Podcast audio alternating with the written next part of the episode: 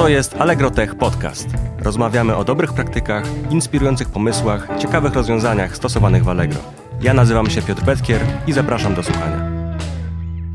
Dziś naszym gościem jest Jakub Kaczmarski. Kuba od 7 lat zarządza zespołami deweloperskimi w Allegro. W tym momencie jest u nas dyrektorem technologii odpowiedzialnym za szeroki obszar logistyki. Program Smart, metody dostawy, przewidywalność terminów dostaw, fulfillment, własna sieć punktów odbioru i wiele innych zagadnień. Cześć Kuba. Cześć. E, słuchaj, wiem, że Twój kalendarz jest bardzo gęsto wypełniony na ponad tydzień w przód. Jak zazwyczaj spędzasz dzień pracy? Dzień jest na pewno bardzo pracowity, właściwie wszystkie dni są bardzo pracowite, a kalendarz wypełniony jest już w tej chwili na więcej niż jeden dzień, y, niż jeden tydzień w przód, ale poza tym ten dzień pracy jest na pewno bardzo intensywny. Y, mam bardzo dużą różnorodność tematów, którymi zajmuję się w ciągu dnia czy w ciągu tygodnia. A co jest ważne, większość tego czasu spędzonego jest w towarzystwie naprawdę wspaniałych ludzi. A w tej chwili to towarzystwo jest oczywiście głównie wirtualne e, na aplikacji Zoom albo czasem rozmowach telefonicznych, ale tak czy siak odbywa się to w otoczeniu e, świetnych ludzi, e, których pewnie spróbuję więcej wyjaśnić w późniejszym etapie tego nagrania, dlaczego uważam, że ci ludzie są tacy fajni. Mm, te dni są też pełne ciągłego rozwiązywania problemów. Mm, czasem te problemy stwarzam sobie sam, czasem te problemy stwarzane są e, przez organizacje, czasem te problemy e, stwarzane są przez naszych e, klientów, użytkowników. Te dni są też pełne szukania nowych wyzwań i znowu, czasem szukam te wyzwania sam, czasem po prostu trzeba podjąć się realizacji wyzwań, które ktoś tobie podrzucił. I wreszcie na koniec y, te wszystkie dni w pracy są pełne uczenia się.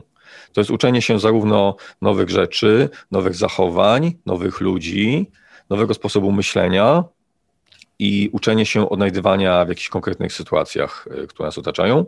I te rzeczy potem gdzieś w przyszłości y, często procentują. Tak jak powiedziałeś, oczywiście kalendarz mam wypełniony, no bo to wszystko się wiąże ze spotkaniami, i jakąś tam dużą ilością czasu pracy, ale te elementy, które wymieniłem wcześniej, jakoś e, gratyfikują e, te pewnego rodzaju uniedogodnienia. To porozmawiajmy, jak kieruje się taką dużą organizacją. Masz pod sobą, jeśli można tak nieelegancko powiedzieć, ponad 150 osób, więc jak to robić? Przede wszystkim e, nie wiem, czy jestem osobą, która uważa, że robi to dobrze. Słyszałem czasem takie opinie, a jednocześnie mam w sobie na tyle dużo pokory, że y, wielokrotnie sobie zdawałem sprawę z tego, że coś jest źle i że trzeba to poprawiać. I, i ogólnie taka sytuacja, w której trzeba ciągle coś zmieniać mm, we własnym postępowaniu, własnej organizacji jest dla mnie taka naturalna. Przede wszystkim, mm, żeby kierować taką dużą organizacją, trzeba mieć y, bardzo dobry zespół ludzi, z którymi się bezpośrednio pracuje tak jakby już tak teraz wchodzimy w takie ramy e, firmowe, no to, to chodzi o moich bezpośrednich podwładnych, ale nie lubię tak mówić, czyli ale chodzi o ludzi, którzy ze mną najbliżej współpracują. A, I po pierwsze, te osoby muszą chcieć pracować z tobą, a po drugie, te osoby muszą chcieć pracować między sobą, a po trzecie, muszą być po prostu bardzo dobre merytorycznie. E, bo bez tego, e, bez inteligencji, chęci do nauki, bystrości umysłu, czasem sprytu, to, to by nie działało. Ja nie mógłbym tym zespołem kierować.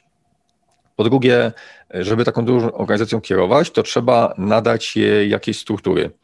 Plany, ramy, struktury, odpowiednio zarządzać czasem, wydarzeniami, miejscem. To po prostu wymaga jakiegoś uporządkowania.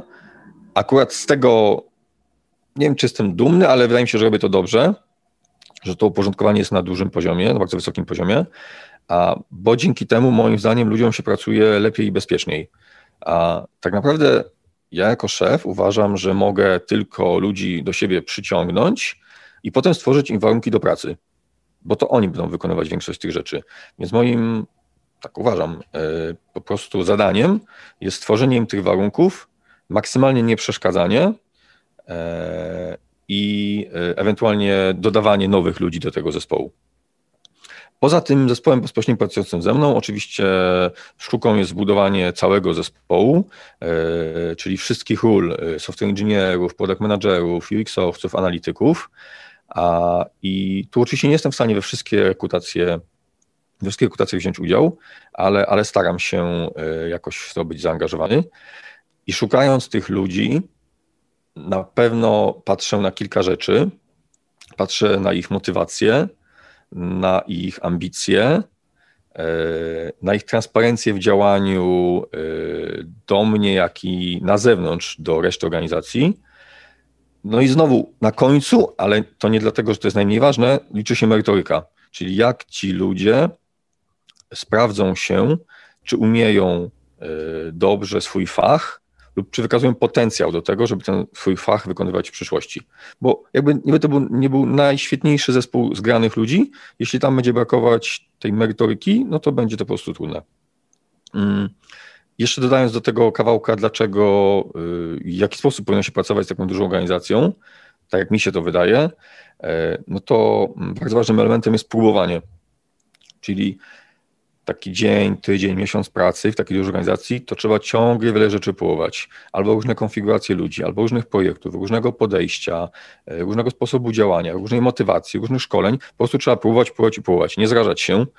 Myślę, że robię codziennie jakąś tam skończoną, mam nadzieję, liczbę błędów, a po prostu trzeba próbować i próbować dalej, próbować dalej. Nie bać się próbować dalej, bo inaczej jakby tkwienie w takim, nie wiem, maraźmie albo przesadnie stabilnej sytuacji będzie powodować, że nie będzie się widzieć pewnie, pewnych możliwości, które się będą przynajmniej pojawiać.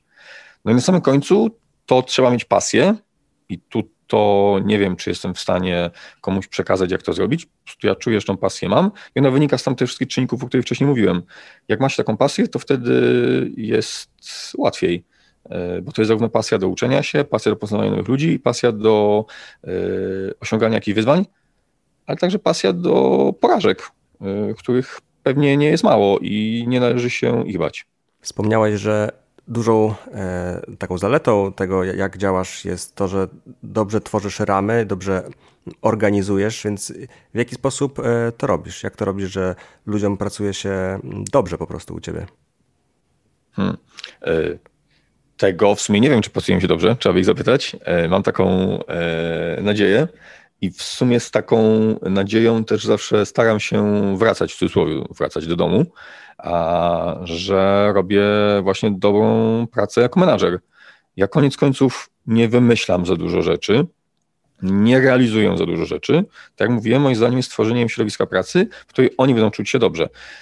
Mam nadzieję, że tak jest i mam nadzieję, że dlatego, że ta rotacja w tym zespole jest stosunkowo mała i że dochodzą ciągle nowi ludzie, to tak jest. Ale też mam w sobie na tyle dużo pokory, żeby wiedzieć, że jest dużo rzeczy do poprawy.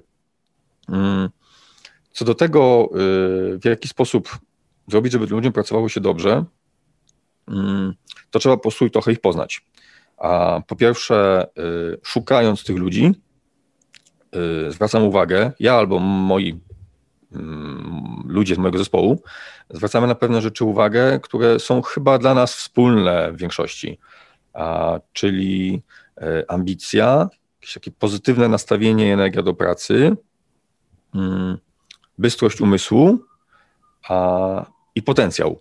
E, bo tworzenie takiego zespołu, w którym się ludzie będzie dobrze pracowało, to jest jakiś balans pomiędzy talentem, takim talentem bieżącym, e, ilu mamy fantastycznych specjalistów na jakimś bardzo wysokim poziomie, czy to w produkcie, czy w developmencie, a pomiędzy potencjałem ludzi, którzy dopiero do nas przychodzą którzy pracowali w innych zespołach, w ogóle czasami poza technologią, mm, ale którzy bardzo chcą, których widzimy, że e, oni chcą i że mają jakiś potencjał na wzrost w przyszłości. I teraz zrobienie takiego balansu pomiędzy tymi talentami już bieżącymi, a ludźmi z potencjałem, to według mnie powoduje tą sytuację, że wtedy wszystkim chce się pracować, bo ci, którzy mają potencjał, chcą się uczyć i wnoszą bardzo dużo energii, e, chęci, nieobojętności, a z kolei osoby, które już mają e, ten talent dzisiaj, mm, dzielą się tą wiedzą e, i ważne, żeby chcie, chciały się dzielić te osoby i na tym mi na przykład bardzo zawsze zależało. I trochę będą też czuć motywację przez to, że tutaj już przychodzą inni, nowi, bardziej energiczni, a no to te starsze osoby, doświadczeniem starsze, będą chciały i umiały się podzielić y, tą wiedzą. I trochę tak samo czuję po sobie, że jakby jeżeli dla kogoś mogę przekazywać swoją wiedzę i doświadczenie, to to jest mega motywujące, mega inspirujące. Mm, I y, właśnie potem wracanie z takim poczuciem, że zrobiłeś coś dobrze dla tych ludzi, no to po prostu motywuje na, na, kolejne, na kolejne dni, bo jak widzę, że ludzie są zadowoleni, przynajmniej mają takie symptomy, no to ja czuję, że zrobiłem swoją robotę. I teraz y, jeszcze co jest bardzo ważną rzeczą, to jest temat błędów. Y, też mówiłem o porażkach jakichś swoich, ale dawanie ludziom możliwości rozwoju, y, ciekawego środowiska pracy, możliwości osiągania jakichś wyników, sukcesów albo lokalnych, indywidualnych, albo grupowych, czy nawet firmowych, to trzeba mieć tolerancję na błędy. Po prostu my nie mamy w firmie, a nawet nie wiem, czy są takie firmy na świecie, ludzi, którzy wszystko wiedzą, którzy już wszystko zjedli, którzy mają, nie wiem, 20 lat doświadczenia w e-commerce, bo e-commerce, nie wiem, to po prostu mało ile firm ma takie doświadczenie. I my nie możemy łudzić się, że wszystko, co robimy za pierwszym razem musi wyjść. Mm, że to będą rzeczy bezbłędne, że da się nad tym panować, kontrolować. Mm, I myślę, że tutaj fundamentalnie się nie zgadzam e, z takim właśnie podejściem, że da się to tak kontrolować na bardzo niskim poziomie, że będzie dobrze. Uważam, że ludzie muszą się ileś razy wyłożyć, muszą ileś razy popełnić błędy, bo tylko z tego wyciągną sobie jakieś wnioski na przyszłość. I ta tolerancja na błędy musi być y, oczywista y, w naszej pracy. E, I oczywiście nikt nie lubi przegrywać, ale musimy sobie zdawać sprawę, że to naturalną częścią. I ci ludzie wchodząc tutaj do tej organizacji, muszą wiedzieć, że mają na to przestrzeń. Że dzisiaj nie umiem czegoś, jutro czegoś nie umiem, nawet za rok czegoś jeszcze nie umiem, ale to nic się z tego złego nie wydarzy, jeżeli to będą robić jakiś stały y, progres i wszyscy wokół będziemy widzieć, że to ma sens na przyszłość. A błędy będą nam mm, jakby towarzyszyć na każdym kroku. Że to widać też na innych projektach, innych firmach, y, jakieś wspaniałe release nowych gier czy nowych programów też są zawsze pełne błędów. I wydaje mi się to po prostu jakimś naturalnym czynnikiem. Mm, y, żeby ci ludzie czuli się dobrze, to jeszcze muszą mieć spełnione moim zdaniem y, mm, dwie rzeczy, czyli dawanie tym ludziom możliwości do rozwoju, i to znowu nie tylko tym ludziom z potencjałem, ale także tym ludziom, którzy są już dzisiaj talentami, żeby robili rzeczy ciekawe, różnorodne. E, nie tak, że codziennie coś innego, mm, ale żeby czuli, że mają jakąś możliwość y, robienia w jakichś cyklach zupełnie innych rzeczy, mm, a także dawania możliwości osiągnięcia jakiegoś celu. E, I te cele mogą być bardzo różne bo to mogą być cele, zarówno cele indywidualne, że ktoś chce dostać jakiś awans, ktoś chce coś osiągnąć, kierować jakimś projektem. E, to może być także to, że ktoś sobie stawia za cel dobrze zrobić swoją pracę. To też jest bardzo dobry cel. Takiej osobie na przykład po prostu trzeba dać środowisko spokojne pracy, żeby mógł go zrealizować. A nie oczekujemy od niego jakichś wielkich sukcesów. To będzie jego sukces, że on robi tą robotę dobrze. I realizowanie takich celów, jeżeli ludzie będą czuć, że mogą je realizować, to powinno stworzyć, w moim mniemaniu, e, takie poczucie e, środowiska pracy przyjaznego jednocześnie wytwarzającego jakieś pozytywne efekty. Czyli nie tylko przyjemnie, ale także coś z tego wynika i dla tych ludzi, i dla firmy. Rzeczywiście często słychać u nas w firmie takie nastawienie, że e, powinniśmy raczej obawiać się tego, że za mało będziemy ryzykować i za mało próbować, niż to, że popełnimy błąd, więc to jest dobrze to usłyszeć również tutaj w podcaście. Myślę, że to jest dobre, dobre nastawienie. Przy czym nie zawsze wydaje mi się, że te słowa idą w zgodzie z działaniami. I tu chciałbym to podkreślić, że czasami mam sam takie poczucie, że to tylko deklaracje, a nie zawsze to się udaje, ale czuję, że na moim poziomie ja powinienem to robić mimo wszystko. Bo tak jak mówiłem, to po prostu nie jest możliwe, żeby y, wszystko wychodziło idealnie.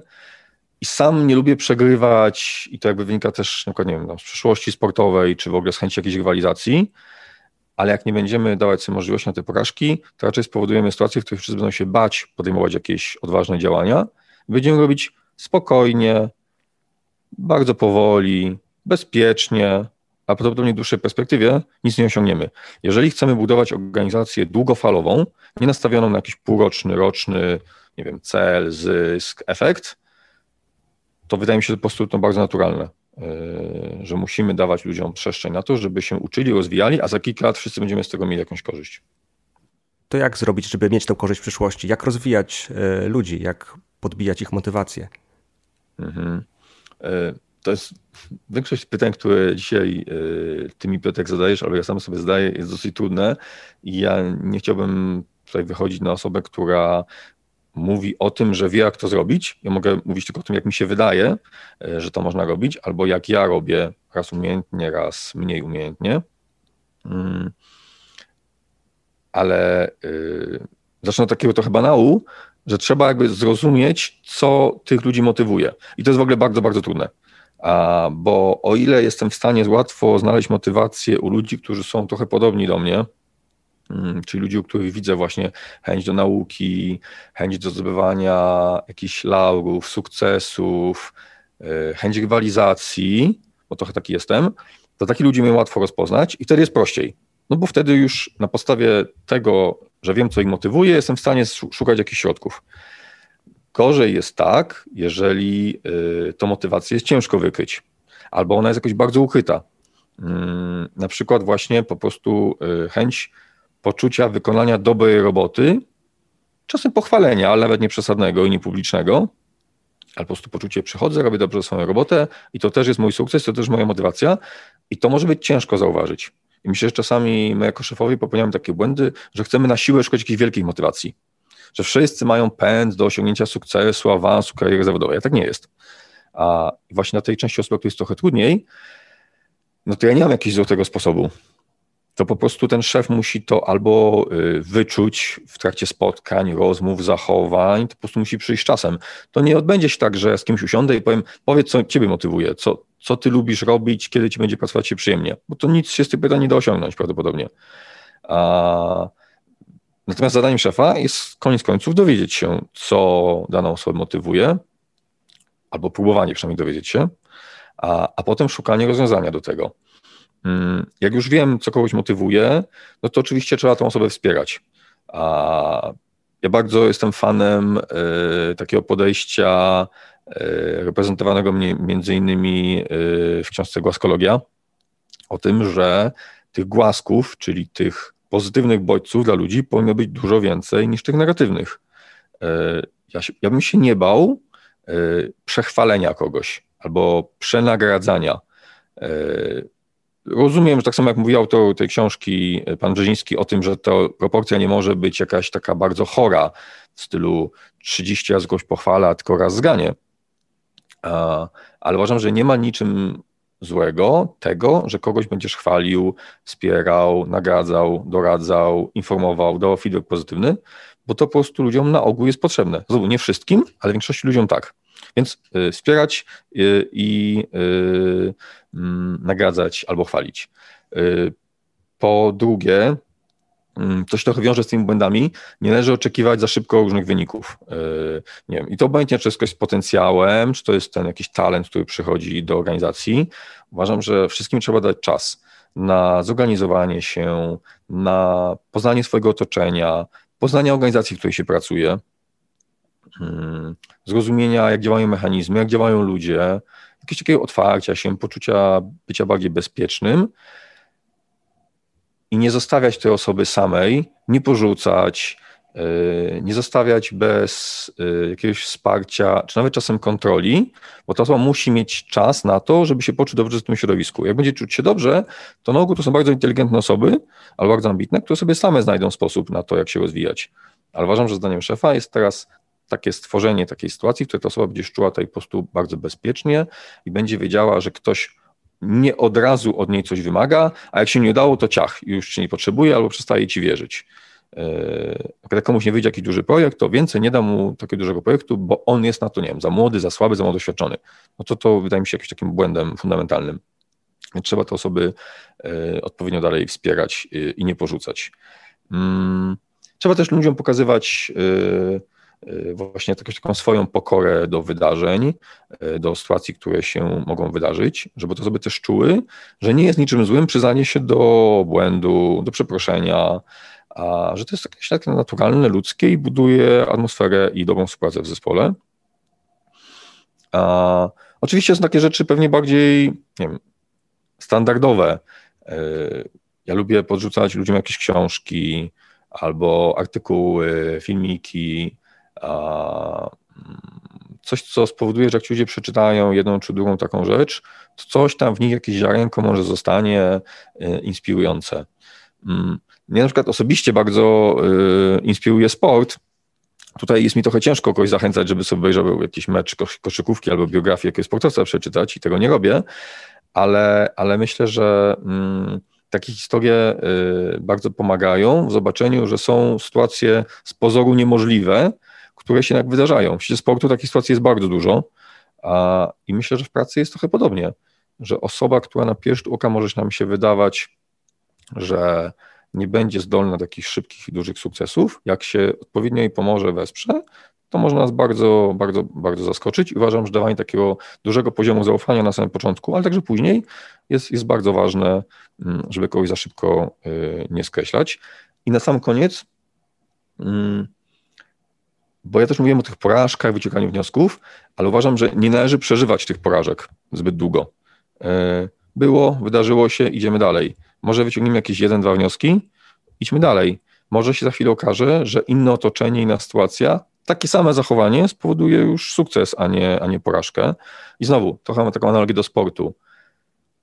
No koniec końców, yy, na przykład w grach zespołowych, no nie ma zespołów, które nie przegrywają. No i co z tego? Potem i tak na przykład zdobywają jakieś mistrzostwa świata, mistrzostwa Europy. A w koszykówce mojej ulubionej jest tak, że drużyna, która wygrywa, nie wiem, zdobywa 110 punktów, a druga drużyna 106. To znaczy, że 106 punktów straciłem. Czy to jest porażka? No nie. To jest jakiś taki element wpisany w tą, w tą grę, z którym trzeba się pogodzić i iść dalej. I tutaj tak samo uważam, że jakieś wnioski należy wyciągać e, z błędów, ale ich nie przeżywać, nie dołować się, nie zastanawiać nad tym przesadnie długo. I e, raczej skupić się na tych takich pozytywnych rzeczach, które z tego mogą wyniknąć i, i e, pozwalać też ludziom na wyciągnięcie tych wniosków. To nie chodzi o to, żeby teraz szef przyszedł i powiedział, słuchaj, zrobiłeś źle to, to, to, to i to. Jaki masz pomysł na to? Mm, może wskazanie, czy pomoc we wskazaniu tych rzeczy tak, ale większość tych ludzi nawet wszyscy bym powiedział w są na tyle inteligentni, że sami sobie to przeanalizują. Jak będą wiedzieć, że coś się nie udało, bo i tak to usłyszą od kogoś, albo będą mieli sami takie poczucie, to sami sobie przeanalizują te rzeczy, sami sobie wyciągną wnioski i sami sobie podejmą jakiś plan działań, e, który pozwoli im na doskonalenie tych rzeczy mm, w przyszłości. Dzięki za tę wypowiedź. Myślę, że e, jest bardzo wartościowa i myślę, że możemy się nauczyć jeszcze jednej rzeczy od ciebie. Wszyscy tutaj w Allegro e, mówią, że jesteś człowiekiem super zorganizowanym, więc jak to robisz? Czy masz jakiś własny system? Jak można się od ciebie tego nauczyć? Mm, dzięki, bo to chyba komplement. Natomiast mm, to nie jest tak, że ja uważam, że ten system jest najlepszy ze wszystkich. Myślę, że to zależy trochę od podejścia i jakiegoś charakteru danej osoby. Ja mam trochę taką naturę pedantyczną e, z przesadą do właśnie uporządkowania wielu rzeczy i to, co teraz spróbuję opowiedzieć, wcale nie wszystkim musi się podobać albo nie będzie właściwe. To teraz to, to dodam taką anegdotę. Trzy lata temu usłyszałem to od kogoś w filmie. E, to właściwie była osoba, która nie pracowała w Allegro, ale dla Allegro, która jak zobaczyła mój pulpit, E, na komputerze, to stwierdziła, że ja to chyba nic nie robię, bo mam taki porządek na tym pulpicie. No i trochę mnie to ubodło, muszę przyznać, e, ale nie zmieniłem nic w podejściu. Na pulpicie mam dalej porządek, a w mailu teraz chyba 12 e, listów mm, do przeczytania. Ale tak, mam jakiś system, on był wypracowywany latami i tak naprawdę on się narzędziowo sprowadza do bardzo prostej rzeczy, praktycznie wszystko mam w kalendarzu. A to znaczy nie robię żadnych to-do list, nie zostawiam jakichś rzeczy na mailach, które oznaczają zrobienie jakiegoś zadania, e, bo koniec końców te wszystkie rzeczy, czy to-do listy, czy maile, czy jakieś akcje w wyniku maili, to zajmuje mój czas. Więc ja się staram po prostu to jak najlepiej planować i każde takie zadanie, no chyba, że ono zajmuje, nie wiem, 5 minut, to staram się w kalendarzu zaplanować. I w związku z tym faktycznie mój kalendarz, według wielu opinii, jest zapchany i nie da się tam rzucić żadnego spotkania. E, I e, częściowo jest to prawda. Mm, I uważam, że dzięki temu pozwala mi to uniknąć części spotkań, których da się uniknąć, e, ale czasami nie da się komuś wyjaśnić, że to spotkanie nie jest potrzebne i po prostu brak luki w kalendarzu jest tutaj lepszym wyjaśnieniem. Mm. Natomiast też bądźmy szczerzy, ja nie mam wpływu całkowicie na swój kalendarz. Są spotkania, które są wrzucane, nie wiem, czy przez członków zarządu, czy przez na przykład organizację, która zajmuje się mm, planowaniem portfela całego projektu. Trochę nie mam na to wpływu, że coś takiego wpada. Więc ten dobrze ułożony kalendarz jest zabezpieczeniem przed tym, żeby poradzić sobie rzeczami, na które nie mam wpływu, jakimiś rzeczami nieprzewidzianymi. Mm, czyli trochę podsumowując, wszystko staram się wrzucać w kalendarz, to jest jakiś narzut czasowy, bo muszę sobie i rano, i na końcu dnia pracy e, te rzeczy poukładać na kolejne dni. Mm, jednocześnie potem e, wydaje mi się, że mam czas na ogarnięcie wszystkiego. E, w mailu też stosuję dosyć prostą regułę. Mam dwa foldery. Jeden to jest ten główny odebrany, a drugi to jest później. Do później wrzucam wszystkie rzeczy, które po prostu nie muszę zrobić dzisiaj. E, natomiast nie staram się tego przeciągać przesadnie długo e, i odpowiadać na przykład po kilku dniach. Mm, w kalendarzu wrzucam też sobie takie rzeczy, które wiążą się nie ze spotkaniami. Spotkania są jakimś takim dobrze znanym i dobrze opisanym w różnej literaturze e, problemem, tylko one dalej są. Wiele firm mówi, że nie chce robić tylu spotkań, a i tak je robi. A więc ja staram sobie też zabezpieczyć miejsca na to, żeby móc po prostu pomyśleć o czymś.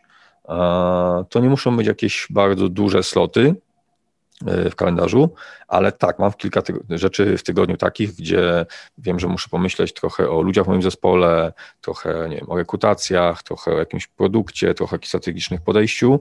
Takie rzeczy, gdzie ja bym po prostu sam samotności e, chciał spędzić chwilę i mógł nad czymś się zastanowić, zanotować, przemyśleć e, i jakieś rzeczy zrobić.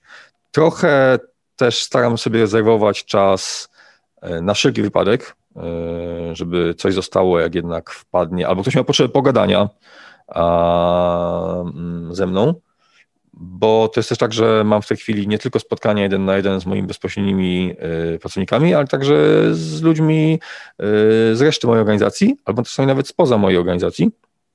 Mm, więc takie miejsca na to, żeby się z nimi albo z jakiegoś powodu, albo po prostu cyklicznie spotkać, staram się zabezpieczać. Wrzucam też do kalendarza rzeczy prywatne i to szczególnie wydaje mi się ważne teraz przy okazji pracy z domu, bo tych rzeczy czasami po prostu nie da się oddzielić. Ja w ogóle nie jestem zwolennikiem e, takiego pojęcia, które kiedyś miało jakieś takie swoje bardzo mm, ważne miejsce, teraz chyba trochę mniej, czyli balans między życiem a pracą. Uważam, że to się bardziej musi ze sobą dobrze kleić i nie przeszkadzać sobie wzajemnie ale osobiście trochę nie wierzę w takie podejście 8-16 praca, a wszystko poza tym już nie pamiętam o tym. I absolutnie to nie znaczy, że jakoś pracuję po nocach, czy ludzi w to angażuję, bo tak nie jest, ale pewne rzeczy się przenikają. Ja wrzucam w kalendarz też te rzeczy swoje prywatne, no bo one też zajmują czas. No to wtedy wiem, jak mam układać sobie ten czas. Jak wiem, że mam pójść, nie wiem, z kotem do weterynarza, no to też to wrzucam w ten sam kalendarz, bo wtedy nie zrobię pracy, no nie ma co się oszukiwać. Mm, dostałem też sobie tam czas na czytanie, różnych rzeczy, y, czy to książek, y, takich papierowych, albo rzeczy online'owych, artykułów, czy, czy, czy wideo. Mm, no i jakby tak w całości te rzeczy układając, to wydaje mi się, że jakoś mi się udaje w miarę być zorganizowanym, ale jak mówię, to nie jest koniecznie metoda dla wszystkich. Trzeba się z tym dobrze czuć i proponuję sobie samemu próbować wiele różnych sposobów. Znaleźć sobie taki jeden cel przyświecający temu wszystkiemu. Bo co ja chcę osiągnąć? Ja po prostu chcę być responsywny, yy, w miarę szybko móc ludziom odpowiadać, pomóc, yy, doradzić, yy, a jednocześnie chcę mieć też czas na swoje rzeczy, które nie są wymuszone spotkaniami. Jak mając takie dwa cele, no to te narzędzia uważam, że trzeba sobie samemu wypracować. Jest wiele różnych gotowych narzędzi, można nie stosować żadnych, tylko bardziej mentalnie sobie pewne rzeczy poukładać, czy to może nawet kalendarz papierowy, mm, ale jakby mieć najpierw ten cel, co się chce osiągnąć tym uporządkowaniem, czy tą organizacją pracy, a dopiero później dobierać pod to narzędzia. Dzięki za to. Chętnie spróbuję Twojego systemu. Porozmawiajmy teraz o Allegro jako pracodawcy. Pracujesz u nas już 7 lat, więc na pewno jest wiele czynników, które wpływają na to, że e, dobrze ci się tu pracuje, więc dlaczego dobrze tu być? już odpowiadam. 7 lat, natomiast mam poczucie, jakby to było dużo, dużo więcej, dlatego że Alego też się przez te 7 lat bardzo zmieniało to nawet jak ja przyszedłem, to był inny szef technologii, potem był jeszcze jeden, teraz jest nasz obecny szef, czyli Piotr Krzybiak. E, mamy teraz drugiego prezesa w trakcie tego naszego siedmioletniego okresu czasu i pewnie mieliśmy w międzyczasie e, ze trzy albo cztery zmiany organizacyjne, więc Alego po prostu się bardzo dużo dzieje e, i to na pewno jest interesujące. I to powoduje też, że ja nie mam poczucia, że to jest, że to jest nudne bo właśnie ciągle coś się dzieje. Ja wiem, że czasami te zmiany są trudne, czasami też były zmiany, które mi się nie podobały, ale z drugiej strony to właśnie powoduje e, jakieś takie poczucie, e, przynajmniej ja tak lubię, że, że, coś się dzieje, że coś się dzieje, że to oznacza jakieś, nie wiem, nowe produkty, nowych ludzi, a, i nawet jeżeli nie do końca sprawia mi to satysfakcję na początku, no to staram się jakoś tym odnaleźć sensownie. Więc dla ludzi, którzy nie lubią się nudzić, lubią zmiany, to jest bardzo fajne miejsce. Po drugie, w Alego mam takie poczucie uczestnictwa w czymś, i teraz można do wyboru, wielkim, nowym, ciekawym. Bo to są po prostu projekty, które robimy. I znowu, pracując wewnątrz y, Allegro, można się po jakimś czasie przyzwyczaić i stwierdzać, no przecież to się wiele nie zmienia. Można też mówić, ojej, mogliśmy zrobić to, mogliśmy zrobić tamto, mogliśmy zrobić to. Jednocześnie dla większości osób spoza Allegro, albo osób, które przychodzą do Allegro, to my robimy naprawdę fantastyczne rzeczy.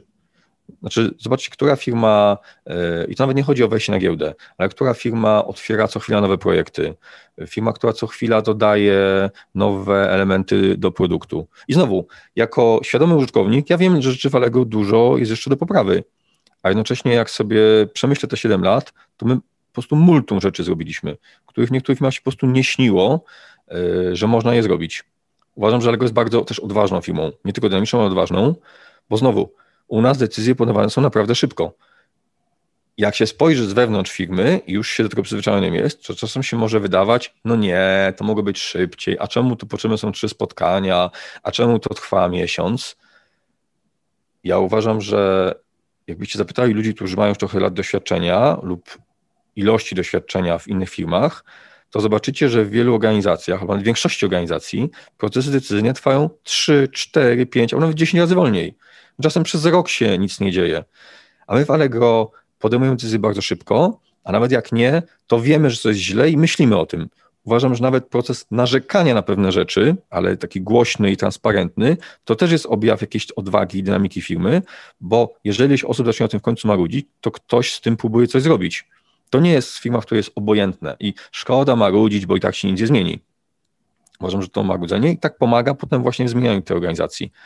A jak rozmawiam z kimś, e, nie wiem, czy to z rodziny, czy ze znajomych, no to jednak jak się słyszy Allegro, to oni wszyscy, a Allegro, wy tam to macie fajne rzeczy, tutaj giełda, tutaj duże produkty, jesteśmy numer jeden w rynku, a my sobie z tych rzeczy czasem nie zdajemy sprawę, a po prostu jest się czym pochwalić y, i taką dumę można czuć y, z tej organizacji.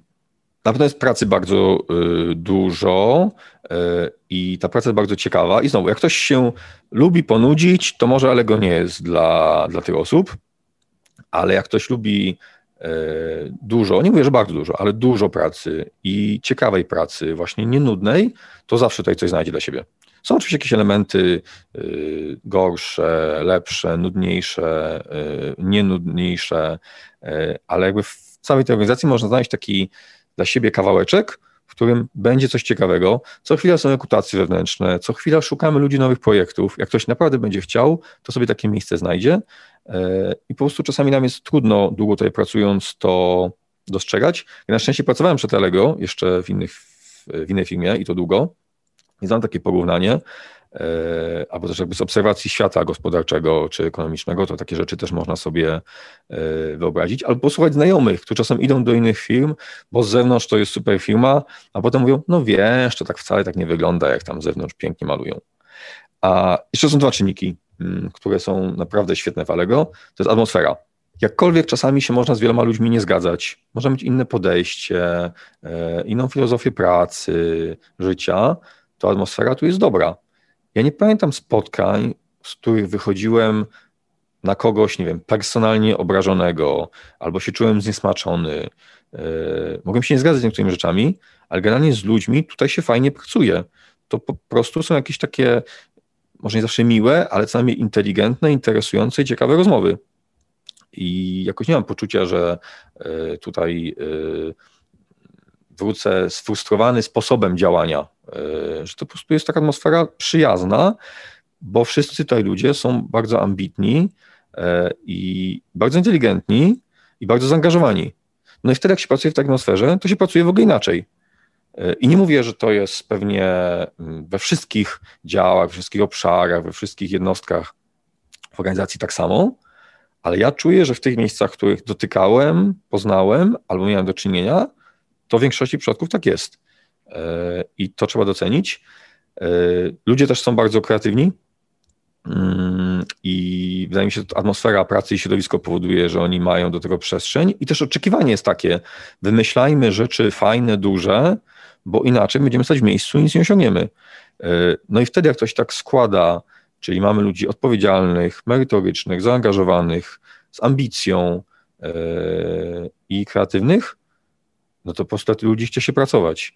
I myślę, że potencjalnie kiedyś to by było taka, taki element, który by mi najbardziej brakował. Yy, kontaktu z wieloma naprawdę świetnymi ludzi. Mimo iż od nas też odchodzą czasem ludzie i nawet w tym roku ja mam takie poczucie, że co najmniej 3-4 bardzo bliskie mi osoby Y, odeszły z Allegro, to mam takie poczucie, że wokół jest jeszcze kilkadziesiąt czy kilkaset równie dobrych osób. I to poczucie, że pracuje się w takim y, miejscu pełnym, pełnym naprawdę dobrych ludzi, no to po prostu skrzydla albo po prostu jest miło. Dużo mówiłeś o inspiracji sportem i o tym, że jesteś fanem koszykówki. Sam grasz w koszykówkę? Tak. Y, gram w koszykówkę od 15 roku życia. Kiedyś grałem oczywiście jako dziecko w piłkę nożną ale potem zobaczyłem e, amerykańską koszykówkę NBA, e, no i się zakochałem w tym sporcie. I potem szkoła średnia i studia to bardzo dużo koszykówki. Potem w trakcie pracy już trochę mniej, ale jeszcze na początku tego roku to było 2-3 grania w tygodniu. Niestety w marcu miałem y, mm, problem z łąkotką, już dwa zabiegi, ale y, będę silnie ćwiczył, żeby do tej koszykówki wrócić. To jest dla mnie bardzo ważna, zarówno pod kątem oglądania, grania, czytania, słuchania. Y, po pierwsze, tego, że to jest fajny sport, ale to wiele osób ma pewnie różne sporty, które ich inspirują, ale też dlatego, że mm, właśnie w sporcie byłem świadkiem naocznie, jako kibic, albo jako czynny uczestnik, ale to jednak trochę niższy poziom, różnego rodzaju rzeczy, które w pracy mogą się przydać. E, z jednej strony to jest oczywiście jakaś chęć rywalizacji, e, bo większość dyscyplin w sporcie e, tak ma, że jednak gra się po to, żeby wygrywać. Ja się muszę przyznać, że zawsze grałem po to, żeby wygrać, a nie tylko, żeby sobie pograć. A jednocześnie koszykówka jest sportem zespołowym. I to jest trochę tak jak w Allegro. E, raz zaczynając od zespołów deweloperskich, które e, pracują e, w teamach i to właśnie 5, 6, 7 osób, to bardzo blisko do koszykówki, gdzie na boisku jest 5 osób i gdzie staramy się tak to poukładać, mm, żeby ten zespół funkcjonował dobrze, a jednocześnie zespół nie składa się z robotów, tylko z jakichś indywidualnych talentów, z których każdy ma swoje jakieś zalety, jakieś wady, a, jednocześnie chcemy, żeby pracowali ze sobą dobrze. I w koszykówce jest tak samo. E, nie możemy mieć pięciu super strzelców, nie możemy mieć pięciu zawodników, którzy tylko bronią. Każdy ma jakieś elementy e, dla niego kluczowe, które czy ten zespół sam, czy trener chce poskładać. I uważam, że doświadczenie, jakie z tego można wynieść, e, jak pracować z ludźmi, których możesz nie do końca lubić na co dzień, ale ważne, żebyś się z nimi rozumiał dobrze na boisku, to trochę jak w pracy. Eee, że to się przekłada, że to jest bardzo, bardzo podobne do pracy zespołowej, której w Allegro jest bardzo dużo. Ciężko w ogóle o jakąś indywidualną, tak zwaną, nie wiem, kontrybucję. Da się, ale generalnie to jest praca zespołowa, bo jest dużo zależności między różnymi podjednostkami organizacyjnymi i to jest to samo co w sporcie. Więc nawet to nie chodzi tylko o koszykówkę. Uważam, że wszystkie sporty zespołowe jakoś taką budują charakter i kulturę współpracy zespołowej i pokazują, czy ktoś jest do tego zdolny, czy nie. A poza tym, tak jak wspomniałem wcześniej, w sporcie było wiele takich doświadczeń, że ktoś chęcią walki wygrywał. Ja pamiętam, to już naprawdę są odległe czasy, jakieś były Mistrzostwa Europy w piłkę nożną, na które pojechała reprezentacja Danii i oni pojechali wtedy za Jugosławię, która była w trakcie wojny wewnętrznej. Jugosławia została wykluczona wtedy z Mistrzostw Europy i pojechała Dania, jako zespół, który miał uzupełnić stawkę. I Dania zdobyła Mistrzostwo Europy wtedy. E, naprawdę charakterem, duchem walki. Ja do dzisiaj pamiętam nazwiska tamtych zawodników. A, I to był taki jeden z naprawdę z wielu przykładów tego, że można się spiąć na jakieś wyżyny i osiągnąć nieprawdopodobny sukces chęcią, i ambicją. E, oczywiście oni też umieli grać piłkę, ale nie na takim poziomie jak wiele innych krajów. I takich rzeczy jest bardzo dużo, e, które, które uważam, że mogą zainspirować i pokazać, że, że po prostu to jest możliwe. I y, dlatego ja w ogóle bardzo zachęcam do y, uprawiania sportu. Jak nie to chociaż do oglądania, y, bo to też jest fajne. My w Alego tutaj mamy taką grupę osób, która grała, gra w koszykówkę. Mam nadzieję, że jak tylko wrócę po kontuzji, to będziemy mogli znowu dalej, dalej grać. To trzymam kciuki. Powiedz na koniec, jak można się z Tobą skontaktować? Tu będzie bardzo krótko. Są dwa możliwe kanały, czyli pierwszy to jest mail E, tu bardzo prosto, jakub.kaczmarski.pl e, albo LinkedIn, to już imię, nazwisko po profilu sobie łatwo będzie znaleźć. E, dosyć szybko odpisuję. O ile to nie są propozycje wynajęciami dowolne liczby nieistniejących programistów albo innych usług outsourcingowych, których nie szukam. Moim i Państwa gościem był Jakub Kaczmarski, dyrektor technologii w Allegro. Dzięki za rozmowę, Kuba. Dzięki, było mi bardzo miło. Dziękuję Wam. To był Allegro Tech Podcast. Do usłyszenia.